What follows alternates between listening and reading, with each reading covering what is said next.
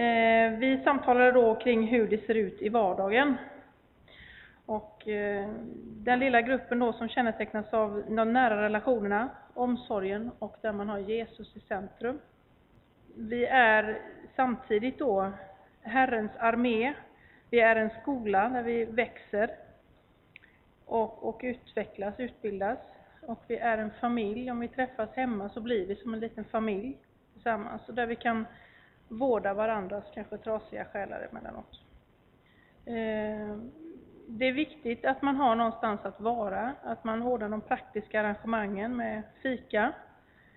Och det är bra med ett ställe, men det framkom också synpunkter på att det är viktigt att kunna cirkulera till olika ställen. Det framkom ett bra förslag kanske om det är många familjer som eh, man kanske inte alltid med, ja, funkar att ha med barnen kanske då, att man vecka ett träffar, träffas männen i familjerna. Vecka två träffas kvinnorna och vecka tre hela familjerna. Och vecka fyra träffas paren där man ordnar barnvakt. Ehm, gruppen kan ju då bestå av olika konstellationer, äktenskapsgrupper, frånskilda, missbruksgrupper, så här. Ehm, man har eh, en öppen grupp. Att man inte stänger sig, att det är vår lilla grupp, utan att man kanske har ena armen, fick ju en klar och tydlig illustration där, att man med ena armen har insträckt emot gruppen tillsammans där och att man den andra, andra sträcker ut andra armen för att välkomna nya. Att man har gruppen öppen på det viset, så att man inte stänger sig. Ehm, Vad är mitt ansvar som ledare?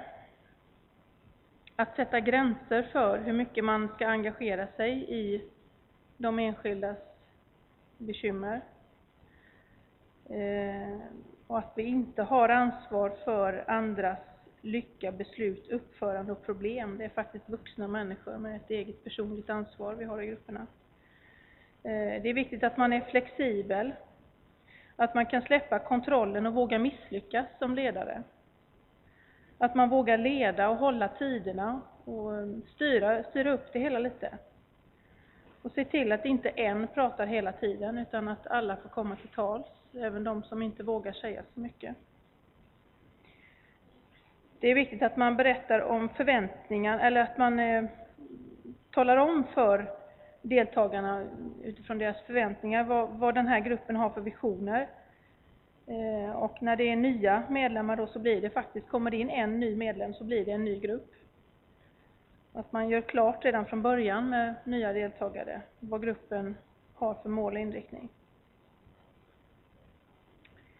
Eh, kanske bra med ett samtal efter det kommer nya medlemmar efter ett par, tre gånger, att man pratar med personen i fråga. Vad tycker du om detta? Hur känns det? Eh, pratar vi mer? Att det är bra om det finns, alltså om det, den som är hemgruppsansvarig i församlingen kan så att säga fördela nya medlemmar och att grupperna då i sin tur godkänner nya medlemmar. Eh, vi får inte glömma att vårda de nära relationerna när man blir ivrig att göra Guds verk.